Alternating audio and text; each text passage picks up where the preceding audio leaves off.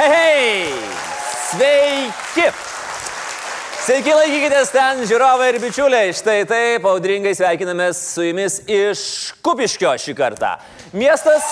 O, oh, ok, važiuojam. Miesto, kuris Andriui Mamontovui davė žmoną, o Lietuvai ir pasauliui architektą Laurinas Tuoka Gucevičių. Taip pat krepšinio komanda Kupiškio Kavarskas ir štai šį absoliučiai nuostabų, fantastišką muzikinį vaizdo klipą.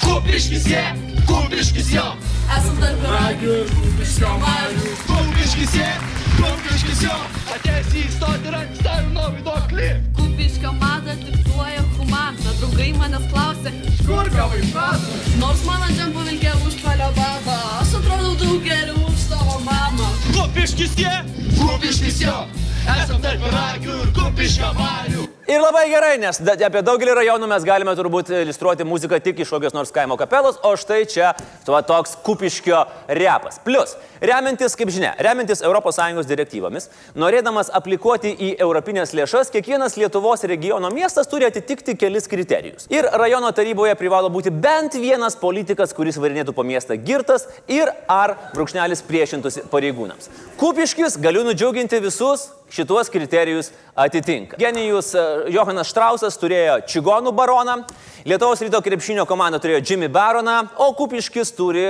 Daną baroną. Buvęs tvarkos ir teisingumo skyriaus pirmininkas protų nutekėjimą iš regionų supranta šiek tiek savaip. Jis nekarta yra stabdytas girtas. Sulaikant girtą tarybos narį prireikė specialių priemonių. Buvo panaudoti koviniai veiksmai ir specialiusios priemonės antrankiai. Vyriškis buvo sulaikytas. ir įvyko eismo įvykis, kuriuo metu buvo apgadinti trys automobiliai, nustatytas girtumas 2,07 promilių, Jam nustatytas girtumas e, 2,45 promilės. Nu, žmogus e, išgėręs, matomai, nesuvokė pasiekmių. Bėgo, bet paskui priešinosi sučiuptas. Jo, pasipriešino, išvadino pareigūnus negražiai žodžiais. Man labai patiko šitam reportaže pareigūnų veido išraškos, tokia, su tokia šipsenėlė, nu, priešinosi, nu, 2, 4, 5. Mes matom, kaip gražiai kyla girtumas tarybos nariui, kas dviejų metai po berots 0,4 promilės, tai kai 20 metais jis sulaikys jau bus 2,7 ir galės sakyti pareigūnams, savas čia, savas, savas. Gerai, o savaitės apžvalgą pradėkime nuo džiugios žinios. Mes pasiekime, kad būtų įgyvendintas bent vienas protesto mes kaltinam reikalavimas. Ne, prieš laikinių rinkimų nebus. Ne, Seimo statutas dar nepakeistas. Ne, apkaltos skardžiui dar nėra, bet ko reikalavo susirinkę mitingę žmonės įvyko. Arsenalo vyriausiasis treneris Arsenas Vengeras net laikė spaudimo ir atsistatydino. Štai matėm, kokie buvo plakatai ir štai mes pasiekėme, ko norėjom. Mažiau besidomintis futbolu gali sakyti, pamanykit, kas šį ypatingo. Ogi tai, kad šitas bičias komandos trenerių yra ilgiau negu Putinas Rusijos prezidentų. Nuo 96 metų. Įspūdinga, turint omeny, kad jam buvo lengviau laimėti Premier lygą, negu įveikti savo striukės užtrauktukus.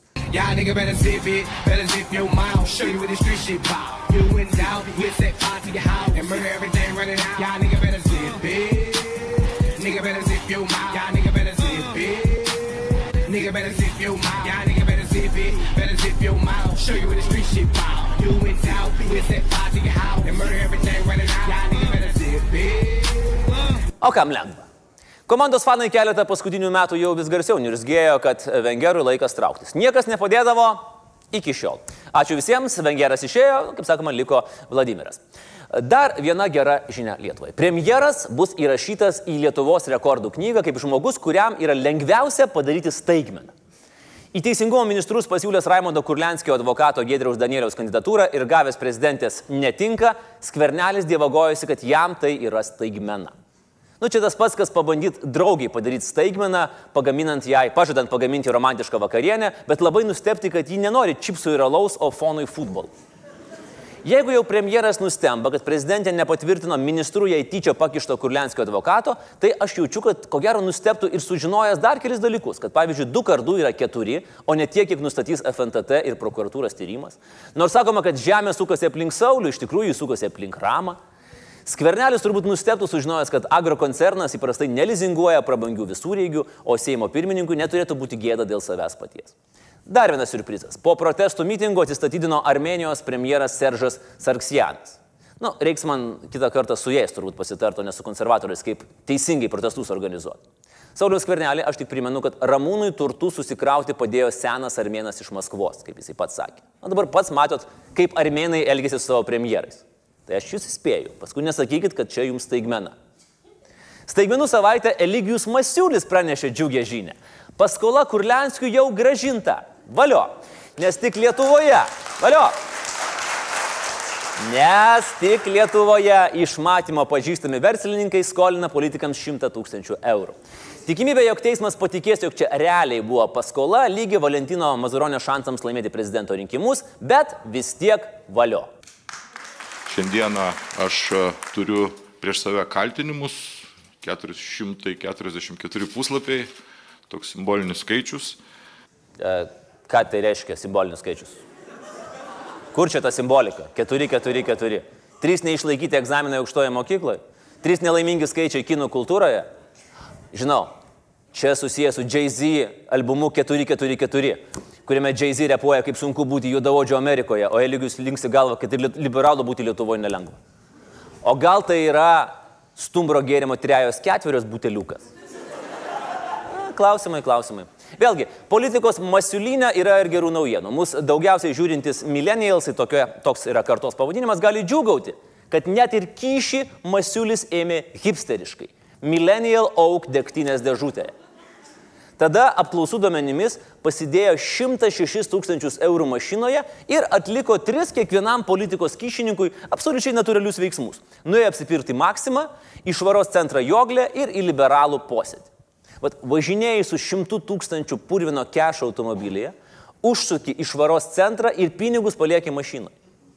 Varšas Eligijus. Jis net nesupranta, kaip veikia pinigų plovimas. O ir šiaip, kiekviena šita nauja bylos detalė įtikina, kad politikų durnumas Lietuvoje vis dar yra neišmatuojamas pagal jokią skalę.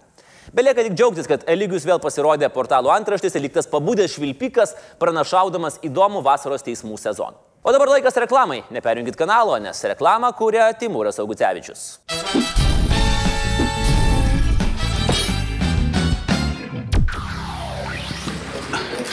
Sveiki, ir aš esu sėkmingas žmogus, akivaizdžiai matosi, nes prasikti marškiniai. Šiandien aš jums pristatysiu naujausią sėkmės priviliojimo formulę - knyga Babos milijonai. Babos milijonai. Babos milijonai yra knyga skirta visom babom, kurios neturi milijono, ji nori turėti milijoną. O ne? Šitoje knygoje yra aprašyti visi. Šitoje knygoje yra aprašyti visi Lietuvos istorijai žinomi atvejai, kai baba, kuri net anūkų vardų neatsimena, yra milionierė. Šitą europinė parama labai skani. Nori? Pavyzdžiui, naujausia žemės ūkio ministro Broniaus Markausko šeimos istorija. Babos milijonai. Ten irgi baba yra milionierė. Tai jeigu tu nori, kad tavo baba būtų milionierė, pirkė šitą knygą. Sėkmė garantuota, ne? Taip. Skambink dabar, ištark nuolaidos kodą Edmundai ir negauk nuolaidos, nes Edmundas nuolaidų nedaro. Edmundai, Edmundai. Edmundai, nu Edmundai, Edmundai. Nuoma gali būti ir žodinė, bet pinigai žodiniai nebūna. Jeigu paskambinsi per artimiausią 15 minučių, tavo babai atiteks ir va tokią kapą. Visai nemokama kapą. O jeigu nupirksi dar antrą knygą, tavo baba gaus dovanų, va tokį šuniuką, va tokį. Skambink dabar ir būk baba milionierė. Patinka, Taip. nes nori būti šuniuku. Babos milijonai.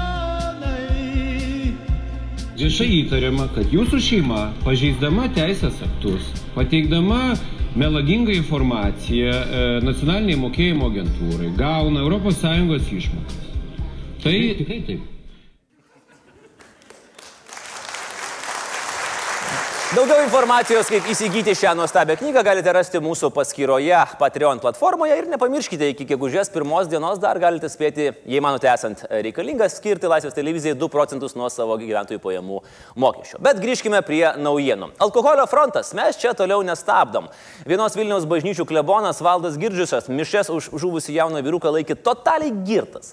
Vebleno tampė žmonės už rankų ir varėjus iš bažnyčios. Pripūtė 2,84 promilės. Girtumas aiškus, bauda gauta 20 eurų, bet ką daryti? Vat jeigu tu vis dėlto bažnyčioje įtari, kad ganytojas truktelėjo per daug bažnytinio vyno, bet negali įrodyti. Nu, ko gero, vienintelis būdas atidžiai klausytis. Jeigu jis melsdamas įsako, sveika Marija, viskas ok, važiuojam toliau. Jeigu sako, būk sveika Marija, tada jau alkotesterį į sceną.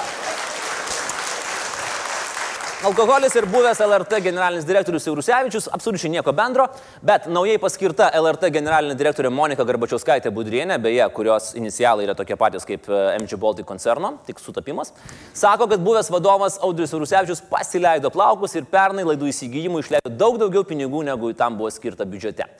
Siaurusevičius į tai atsakė, cituoju, kad švenčia gimtadienį iki rudens ir komentarų neteiks. A, panašu, kad dabar jau eks-generaliniam bus nebeduokim garo, o duokim rimto pirigaro. O dabar metas pakalbėti apie žmonės, kurie nuoširdžiai stengiasi, kad laidoje netrūktų turinio. Legendinė rubrika Same as Always. Ja pradėkime nuo kosmoso naujienų. Atrodo, kad įsijautęs į 420 minėjimą Ramūnas Karbauskis pareiškė, jog šiuo metu jis yra švariausias politikas Lietuvoje, o žalieji ir valstiečiai kitą metą laimės visus trejus rinkimus. Ramūnai.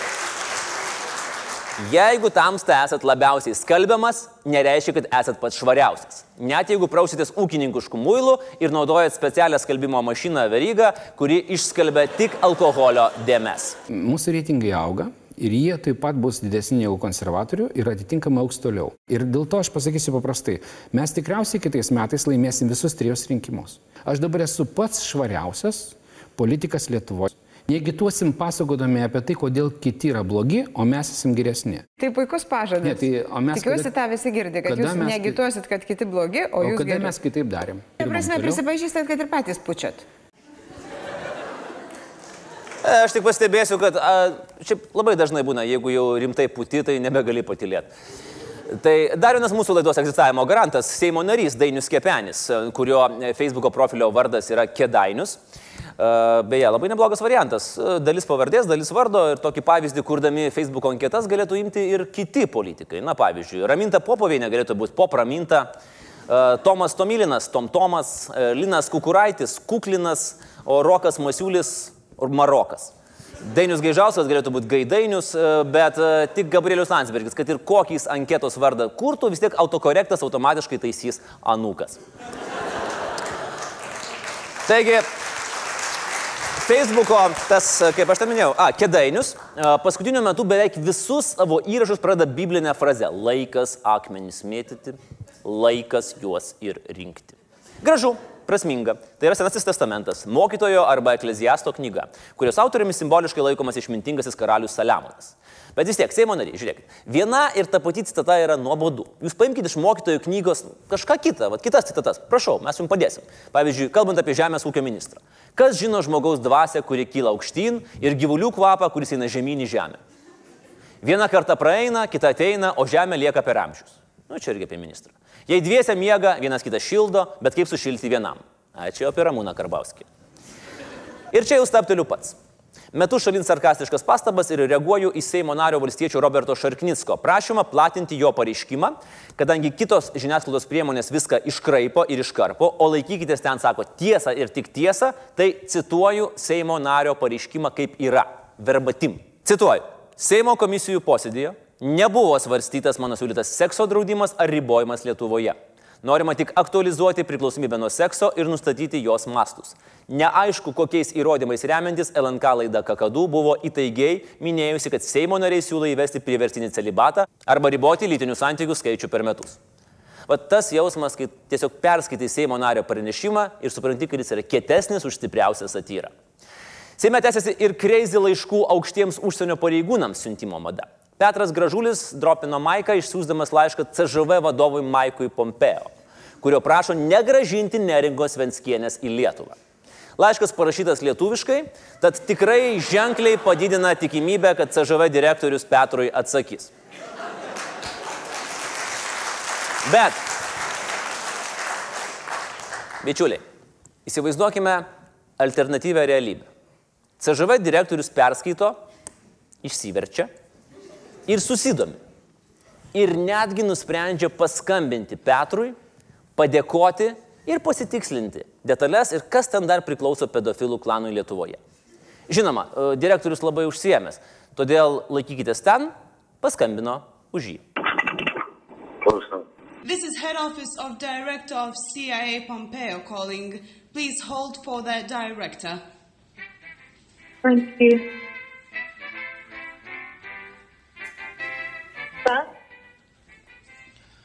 Hello. Hello. Uh, am I talking to Petros Grzoulis, a member of Lithuanian Parliament? Yes. I mean, I mean, he's next to me. Uh, can I talk to Petros Grzoulis, please? But he doesn't speak English. Well, this is a short call from the. I'm the head director of Central Intelligence Agency Fort Mondeo of the CIA of the United States of America. We have received his letter concerning Neringa Vinskene. Oh, I see. Okay. How can I help? Can we talk to Mr. Petros Gazoulis? Yeah, we have a we have a couple of questions concerning Neringa Vanskene. Okay, okay. What's the question? Can I translate? Well, considering your letter, uh, I was told that uh, if Mrs. Vanskene was to be brought back to Lithuania, she would be in danger. Is that true? Okay, one second. Okay. What he said that it would be dangerous because at the minute in this history, six people are killed, murdered. No speak English, kaip sakoma. Bet nieko, Seimo narys kol kas dar laikosi. Klausia, ką sakė, ką sakė, sakė. Tada liepia padėjėjai, dabar sakyk, kad šeši žmonės jau nužudyti. O tada jau pokalbis pasisuka apie pedofilų klaną. It was written in the letter that uh, the entire trial is set up by the pedophiles in Lithuania. Is that true? Yes, yes, that's true. Really powerful in here, and it's um, kind of hidden, hidden, if you know what I mean. Uh huh. Yeah. Yeah, it's really difficult to see it. All right, so it's like the underground problem, right? Yeah, yeah, yeah. What he says as well that into his into this history is including a president of Lithuania and uh, Which one? Which president? the current president, Dalia Grybauskaitė. Yeah, what about her? Uh, she also is included into this pedophile clan. Okay, perfect. Yeah, Well, uh, and yeah, and the politicians as well. Mhm. Few politicians. oh my goodness. Then you're in big I know. then, eh? Well, perfect. Thank you very much. And let me assure you that anyone who would choose Lithuania as an enemy has also made an enemy of the United States of America. Have a great day. Right. Okay. Thanks very much. Bless America and God bless Lithuania. Thanks. Bye bye. Bye. Va kaip stipru. Va, uhuho, kaip stipru. Seimo narys savo padėjėjos lūpomis patvirtina, kad prezidentė Grybauskaitė yra pedofilų klano dalis. Amerikos CŽV agentūros direktoriui. Įspūdinga, net ir daug mačiusiam CŽV direktoriui, kuris šiame skambutyje dėja kažkodėl pristatė ne kaip Maikas Pompeo, o kaip Fordas Mondeo. Bet didelio skirtumo Petrui Gražuliui nebuvo, nes vis tiek ten buvo kilusi visam kabinete panika. Na, o skilti Seime as always užbaigime karšto pietietiško temperamento gusiu Teledmundo prezentą. Gabriela Idona Raimondo.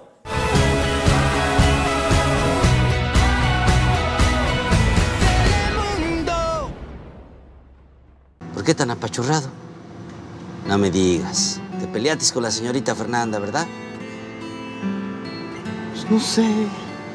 Todo iba muy bien y de repente, pues, que me corre de su casa, ¿tú crees? Jeigu aš teisingai atsimenu, tiek aš atsimenu, aš negalėčiau dabar tiksliai atsiminti. Jeigu aš teisingai atsimenu, negalėčiau atmesti, kad tai nebuvo paminėta. Aš daug jisai liūdė, aš nežinau ką. Negalėčiau tokių aplinkybių atsiminti.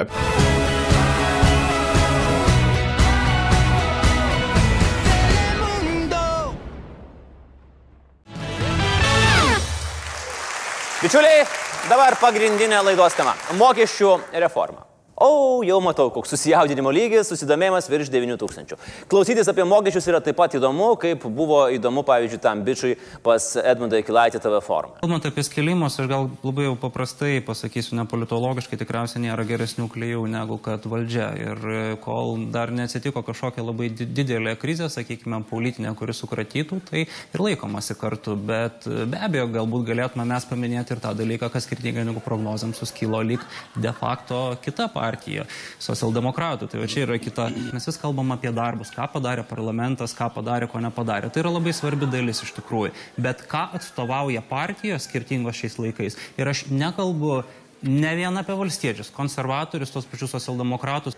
Bet mokesčiai, sutikim, yra svarbu. Benjaminas Franklinas yra pasakęs, kad gyvenime yra tik du neišvengiami dalykai - mirtis ir mokesčiai. Na, Lietuvoje žinoma, kad yra dar daugiau neišvengiamų dalykų. Malinauskas amžinai bus druskininkų meras, po mirties bus įbetonuotas grūto parkų suvenyrų krautuvėlės grindise ir žiūrės į mūsų iš apačios. O Zuokas amžinai norės būti bet kokių merų. Nors, aišku, dabar mus gali paduoti į teismą už tokį šmeištą, tai mes geriau sakykim ne amžinai, o galbūt. Bet jūs žinote tą amžiną lietuvių bėdą, kai kažkas pasako galbūt, kiekvienas iš mūsų mintise pratęsia. Per daug ir per ilgai mes kariavom. Istoriškai valdžia visada norėjo surinkti mokesčius, o žmonės niekada nenorėjo jų mokėti. Mes turime keiščiausių atvejų. Romos imperatorius Vespasianas apmokestino tualetus ir po to pasakė savo žymėją frazę - pecunia non olet - pinigai nesmirda. Lietuvoje frazę adaptavo Karbauskis - perkūnija non olet - lotiniškai pagonybė nesmirda. Ir dar pridūrė - ego sum publicus lucidissimi - esu skaidriausias politikas. Panašiai pasirašęs sutartį su vėjininkais sakė ir Artūras Skardžius. Jis šūktelėjo pekunija ex aere - pinigai iš oro. Jo atveju pinigiukai truputėlį tikrai smirdėjo. Ir netruputėlį. Panašiai po pietų su Kurlenskiu garsiai sakė ir Gabrielius Landsbergis. Koncernum poenas legis. Sąskaitą apmoka koncernas. Mokesčiai. Petras I apmokestino barzdas, nes norėjo, kad jo bajorai atrodytų europietiškai. Nemėgo caras hipsterių. Tai tik primenu, kad štai čia matome 21 amžiaus ES valstybės parlamento narį. Oliveris Kromvelis apmokestino savo politinius oponentus įkalęs 10 procentų mokestį royalistams. Na, tokie specifiniai 17 amžiaus Oliverio receptai. Anglų ir jų valdžios nuomonė apie mokesčius apskritai skiriasi. Buvo įvestas mokestis už namų langus, žmonės langus užsimūrijo ir pradėjo dusti dėl oro stokos, bet mokesčių vis tiek nemokėjo. Buvo mokestis plytoms, žmonės pradėjo žiesti didesnės plytas. Buvo įvestas mokestis skrybelėms, skrybelių gamintojai liovėsi vadinti jas skrybelėmis. Buvo įvestas mokestis spausdintiems tapetams, žmonės pradėjo klyjuoti paprastą popierių ir jį išpiešti. Na, jaučiu, kad dabar net nepieštų, pavyzdžiui, rašytų kokį nors negražų žodį. Nu, pavyzdžiui, peryga vizdukas. Arba kad išvengtų PVM statyboms, anglai 17 amžiuje statydavosi vilas per įmonę ir apiformindavo, kad ten ne vila, o observatorija. Nu, čia gal ne anglai, bet tinkamas pavyzdys vis tiek. Lietuvoje mokesčiai irgi turi senas tradicijas. Pavyzdžiui, cinšas. Žemės naudotojų mokama renta seniorui arba žemės savininkui. Lietuvoje nuo 14 amžiaus. Bet kai kurie dabartiniai ministrai dar neįsikirto, kaip čia tas mokėjimas vyksta. Ir uždraustas cinšas Lietuvoje šiuo metu tik todėl, kad skamba per daug panašiai į kažkokio neiškaus naminio alkoholinio gėrimo pavadinimą. 16-17 amžiuje valstiečiai savo žemvaldžiui ar jo tarnams turėjo mokėti ilgės - duoklę pinigais arba medumi ir linais. Atrodo, kad ir dabartiniai valstiečiai žalieji partijos nario mokestį moka pagal seną tradiciją - medumi ir linais. Nes 2017 metais jie surinko tik 6700 eurų iš partijos mokesčių. 4300 narių ir 6700 eurų. Po pusantro euro per metus nepagaili ūkininkai. Ne, atsiskaito vis dėlto linais, naisinuke ir gandraličiais. Nors čia jau aišku niekam nepaslaptis, kad ūkininkai nėra patys aktyviausi mokesčių mokėtojai. Palyginimui, socdemai pernai iš nario mokesčių surinko 40 kartų daugiau. Nu ir ką? Stovi dabar gintautas su gidiminu per kalnelį, nesueina. Ir godžiasi, kad ne piniguose laimė. 18 metais laikinoji vyriausybė paskelbė, kad juo didesnį turtą kas turi, tuo didesnius mokesčius turės mokėti. Algirdas progresinis mokestis Sysas girdi tai dūsauja ir dainuoja. Gimiau nei per anksti, nei pačių laikų, gimiau aiškiai per vėlai. Atgavus nepriklausomybę, noro mokėti mokesčius lietuviai neatgavo. Pirmasis mūsų milijonierius Arvidas Tašaitis buvo viešai pareiškęs, kad mokesčių nemokės, o profesoriai plaus jo sūnui mašiną. Šiaip buvo prasta mintis. Nes profesoriai susirinkę prie mašinos, pradėtų rašyti projektą Europiniam grantui mašinai plauti, tada susirėtų, kas už ką atsakingas, tada vienas profesorius nuplagijuotų plovimo metodiką, kitas profesorius atsivestų studentės ir jas plautų, ne mašiną, trečias profesorius nueitų greuti kolūkių ir mašina galų gale liktų nenuplauta. Ekonominės krizės metu konservatorių vyriausybė susiveržė diržus ir pakėlė PVM nuo 18 iki 21 procentų. Laikinai. Nu, grinai laikinai, kol atsigaus ekonomika. Praėjo 10 metų, ekonomika aiškiai dar neatsigavo ir laikinas PVM padidinimas yra toks pat laikinas kaip remontas kaimyno būte. Nežinau, treti metai, kaip sako, greit pabaigsiu ir grežia su drėlė kasdien nuo 7 ryto. Tuo metu toks gal jums šiek tiek girdėtas liberalų lyderis, tuometinis Eligijus Masiulis, visus užtikrino, kad mokestis keliamas tikrai neilgam - metams, maksimum dviems. Dabar matom, kad čia tiesiog yra mėgstamiausia Eligijaus frazė. Paskolą iš Kurlenskio ėmė metam, maksimum dviem. O politinės korupcijos bylai pasiekus teismą tai gali tapti ir Eligijaus svajonė - sėsti metams, nu maksimum dviems. Nes dabar tai aštuoni horizontė šviečiasi. Lietuvoje dar yra tokia įdomi taisyklė. Kuo mažiau mokesčių moki, tuo labiau norisi emigruoti, kai tavim susidomi valstybinė mokesčių inspekcija. Tačiau atėjo nauja valdžia. Ilgai neužtruko, tik pusantrų metų ir vieno pagrindinių Lietuvos influencerių lūpomis pristatė mokesčių reformą. Reformos.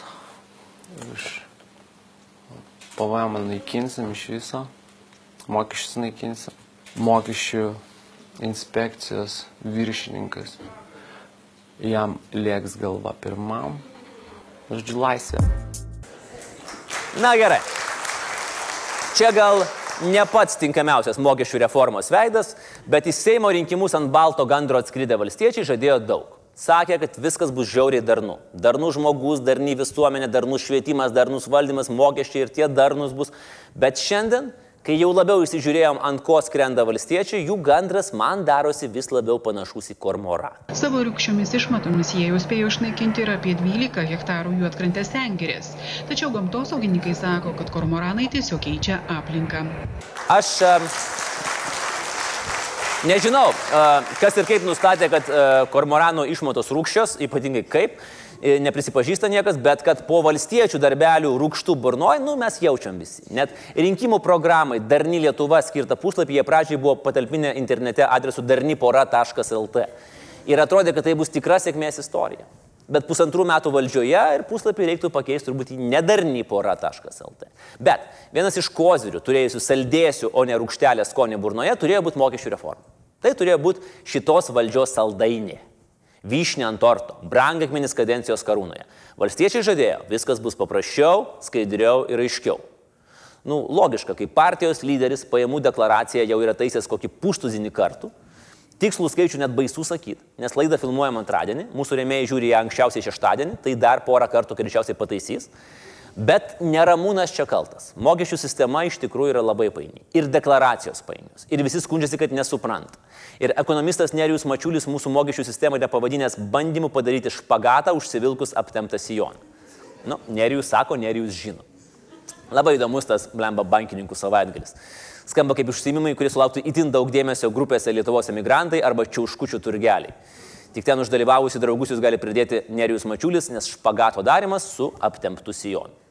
Beje, nepamirškit iškart po laidos pasižiūrėti ir mūsų su Nerijumi pokalbio. Ir dabartinė reforma tikrai primena fokusus, nes sunku nuspėti, kas bus ištraukta iš rankovės paskutinę akimirką. Praėjo pusantrų metų, reformą turim. Pažadai šiek tiek pasikeitė, ambicijos pasikeitė, permainos pasidarė labiau kosmetinės ir tai yra tikrai ne tas atvejis, kai daugiau kosmetikos būtų geriau. Ne, pirmininkė Agne. Čia tarsi pasigiri visam kaimui, kad važiuoji į turgų pirkti tačkės, svarstai garsiai tarp 5 ir 7 bemso, o vakare grįžti su kyje. Universalų. Baltų. Bet su vokišku lipduku ant galo. Bet net ir po pusantrų metų tai vis dėlto ne visai reforma, tokios gairės PowerPoint prezentacijų. Na, gaila, kad kuriejai neįvaldė Photoshopo, galėtumėt primontuoti lietuvišką reformą prie kokio nors skandinaviško kūno ir pristatyti kaip naujų tėlaitę. Visi vaikščiotų ir kalbėtų, oi kokie šaunuoliai, oi kaip puikiai jie atrodo. Svarbiausia su Photoshopu nepersistengti, kad netrodytų, jog tai raukšlės per daug užglaistos, tai krūtinė padidinta, nors gali būti, kad taip reforma ir nutiko. Pabandykim ją paaiškinti. Valdžia pristatė parengtą pensijų ir mokesčių reformą. Vyriausybė mokesčių sistemą žada pakeisti per trejus metus, siūlo didinti ir plėsti neapmokestinamojo pajamų dydžio taikymą, 2 procentais mažinti sodros įmoką, sujungti darbuotojo ir darbdavio socialinio draudimo įmokas bei įvesti sodros lubas. Mokslininkų duomenimis 95 procentai darbingo amžiaus žmonių klausydamėsi šito 17 sekundžių klipuko žiovavo, krapštė nosį, Candy Crush'ą žaidė, rėkė boring arba galvoja apie migraciją. Viską suprato pusantro procento žmonių, pusė procento po šito atsidūrė komoj. Pabandykim truputėlį lėčiau ir po vieną. Pirmas siūlymas. NPD taikymas plečiamas iki 2,5 VDU. Nu, čia viskas elementariai aišku. VDU tai čia yra Vytauto didžiojo universitetas, NPD naisių pono dvaras, Tai siūloma reforma, kad nuo šiol 2,5 Vytauto didžiojo universiteto bus apjungiami su Ramūno Karbauskio vila prie Kauno Marių. Neveltui save vadina artės liberalės. Artės liberalės, kas išvertus lietuvių kalbą reikštų menas liberaliai elgtis su pajamų deklaracijomis. Jeigu rimtai NPD yra neapmokestinamas pajamų dydis, tai yra dalis pajamų, nuo kurių nėra skaičiuojami mokesčiai. Šventa, amžina ir visada priklausys jums. Kaip žodžio laisvė, kaip teisė šaipytis iš kvailybių, kaip mamos žemė, kaip galų gale Pinskuvienė priklauso žmonėm. Pinskuvienė priklauso žmonėm. Pinskuvienė priklauso žmonėm. Toks dydis bus taikomas, jei uždirbate iki 2,5 vidutinio darbo užmokesčių, kas yra 2212 eurų ant popieriaus. Jeigu uždirbate mažiau, keli šimtai eurų bus neapmokestinami. Sveikinam, ką tik ištvėrėt pačias nuobodžiausias 20 sekundžių, laikykitės ten istorijoje. Ta proga, štai jums trumpas vaizdo klipas.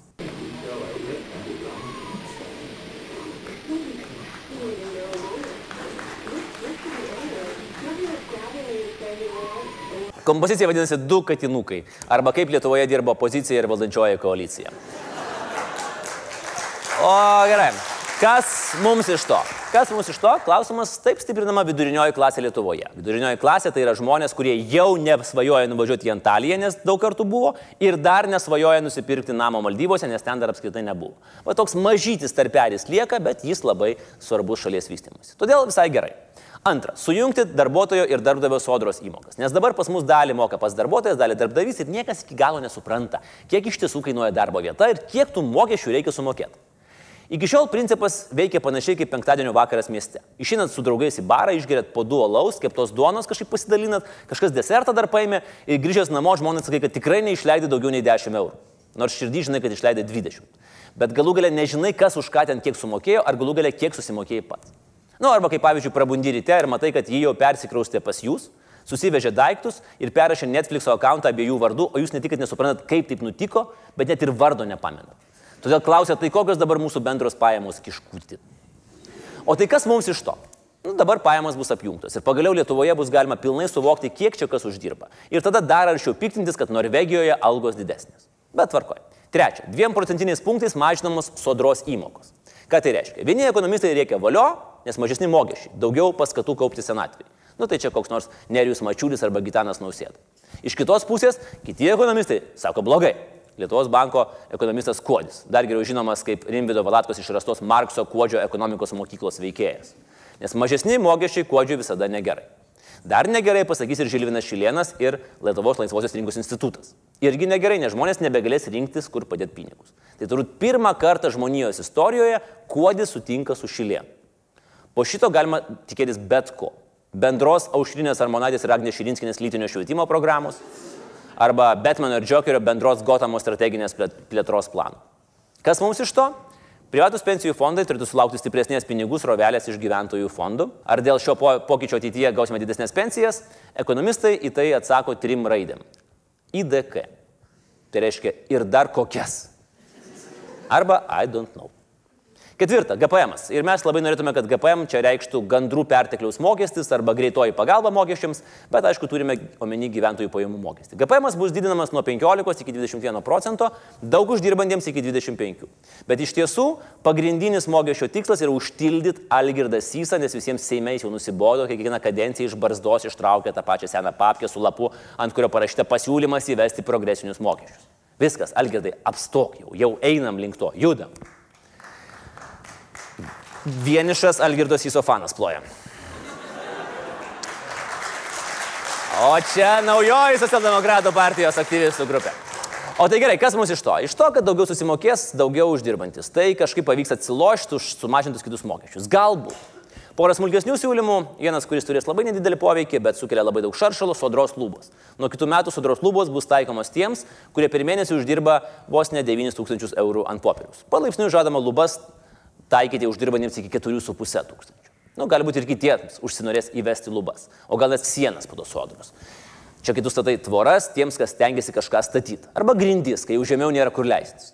Na nu, gerai būtų, kad dar tarp tų sodros lubų, grindų ir sienų bent mažą dar langelį paliktų, nes tokia mokestinė klaustrofobija mus gali apimti. Kitas siūlymas - nekilnojamo turto mokestis antrajam, trečiajam ir taip toliau būstui. Lietuvos bankas optimistai apskaičiavo, kad per metus iš to valstybė surinks 11 milijonų eurų. Bet nesurinks.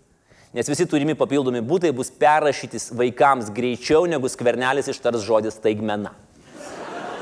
Net jeigu tie vaikai gyvena Ispanijoje, patikėkit manim, pinigų nebus. Labai keista, kad tarp visų šitų siūlymų nėra nieko apie PSD, privalomą sekso draudimą, apie kurį dabar svarsto Seimo valstiečiai ir dažnai kalbame Seime. Privalomas seksas tai yra, kai pusmetį bandai jį padidinti, bet šiaip reikalai nesikeičia. Per Seimo rinkimus įsigytos piliulės ir kremai atrodo suteikia visiškai priešingą mažinimo efektą. O tu vis spaudinėjai ant piešinuko internete enlarge jo PSD, bet niekas realiai nevyksta. Akivaizdu, kad kažko toms reformoms trūksta, kažkokio didesnio impulso, kažko iškesnio. Na, nu, tai mes pristatom jums Laisvės partijos mokesčių reformą. Vis tiek, visi ataip, taip jau žino, kad anksčiau ir vėliau tokią partiją mes sukursim, susijungsim su kokios nors mėlynosios ponios judėjimu į bendrą bloką Lietuvai ir kokio nors sugalvosim labai vertybinį pavadinimą. Pavyzdžiui, bandyti, leisti, edukuoti, o jeigu jau niekas nepais, teisti. Tik nebandykit jo trumpinti. Ir tada Ei, aš sakiau, nebandykit trumpinti, come on. Ir tada mes laimėsim didžiąją dalį vietų Seime ir iš karto eisim prie reikalų. Pirmas pakeitimas bus visos Patreonų įmokos yra neapmokestinamos ir 100 procentų subsidijuojamos iš stambiųjų ūkininkų pajamų. O, girdžiu, kad kažkas mums duoda pinigus. Nuo šiol kiekvienas, ai, čia tas pats bišas iš Syso kompanijos. Nuo šiol kiekvienas jūsų doleris laisvės televizijoje dvigubinsis iš agrokoncernų biudžeto. Antras - barzdos mokestis. Nu, Laisvės partijos ekonomistų burelėje, kurio nariai keistų sutapimų yra ir šios laidos scenaristams, buvo tam tikrų prieštaravimų, bet vėlgi nuo šiol darysim taip, kuo ilgesnė tavo barzda, tuo didesnį mokestį mokėsi. Pagrindinis tikslas - priversti Algirdą Sysą fiziškai pajusti, kaip skauda progresiniai mokesčiai. Ir trečias - apmokestinti vardo Edmundas šauksmininko linksnį. Ketvirta - konservų mokestis. Niekam nėra paslaptis, kad vis dar prezidentė Dalia Grybauskaitė, stresuodama per įtemptas krepšinio rungtynes, mėgsta marinuoti grybus. Gitanas Nausėda yra žinomas kaip didelis konservuotas ogienės mėgėjas. Nepamirškime ir senųjų socialdemokratų - Kirkilas, Andriukaitis, Bernatonis, kurie seniai yra užsikonservavę patys save savo sultise. Na ir be abejo konservatoriai, nes konservatoriai. Ačiū Oliveriui Kromeliui už idėją ir laukiam biudžeto perviršio. Kol kas vertinti, kaip mokesčių sistemos pakeitimai atsilieps šalies ekonomikai, ankstoka. Aišku, tik tiek, kad dėl pasiūlymų bent kelis mėnesius ekonomistai galės draskyti marškinius ir laužyti jėtis. Tikslas - turėti mažiausiai apmokestintą darbo jėgą Baltijos šalyse iš tiesų įkvepia. Konkurencinė kova tarp šalių darosi vis aštresnė. Tad jeigu neišauksime į traukinį, gali būti per vėlu. Tačiau vykdant mokesčių reformą svarbu užtikrinti, kad socialiai pažeidžiamiausi sluoksniai, jie irgi turėtų galimybės dirbti ir užsidirbti. Ir to turbūt visi mes linkime jaunai mūsų demokratijai vykdančiai mokesčių reformas. Ačiū.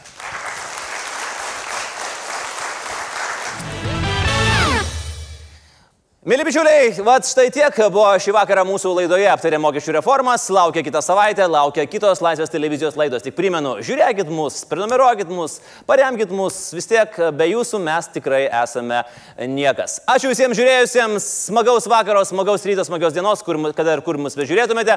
Pasimatysime kitą savaitę ir visiems sakau, laikykitės ten. Dėkui ir iki. Ačiū.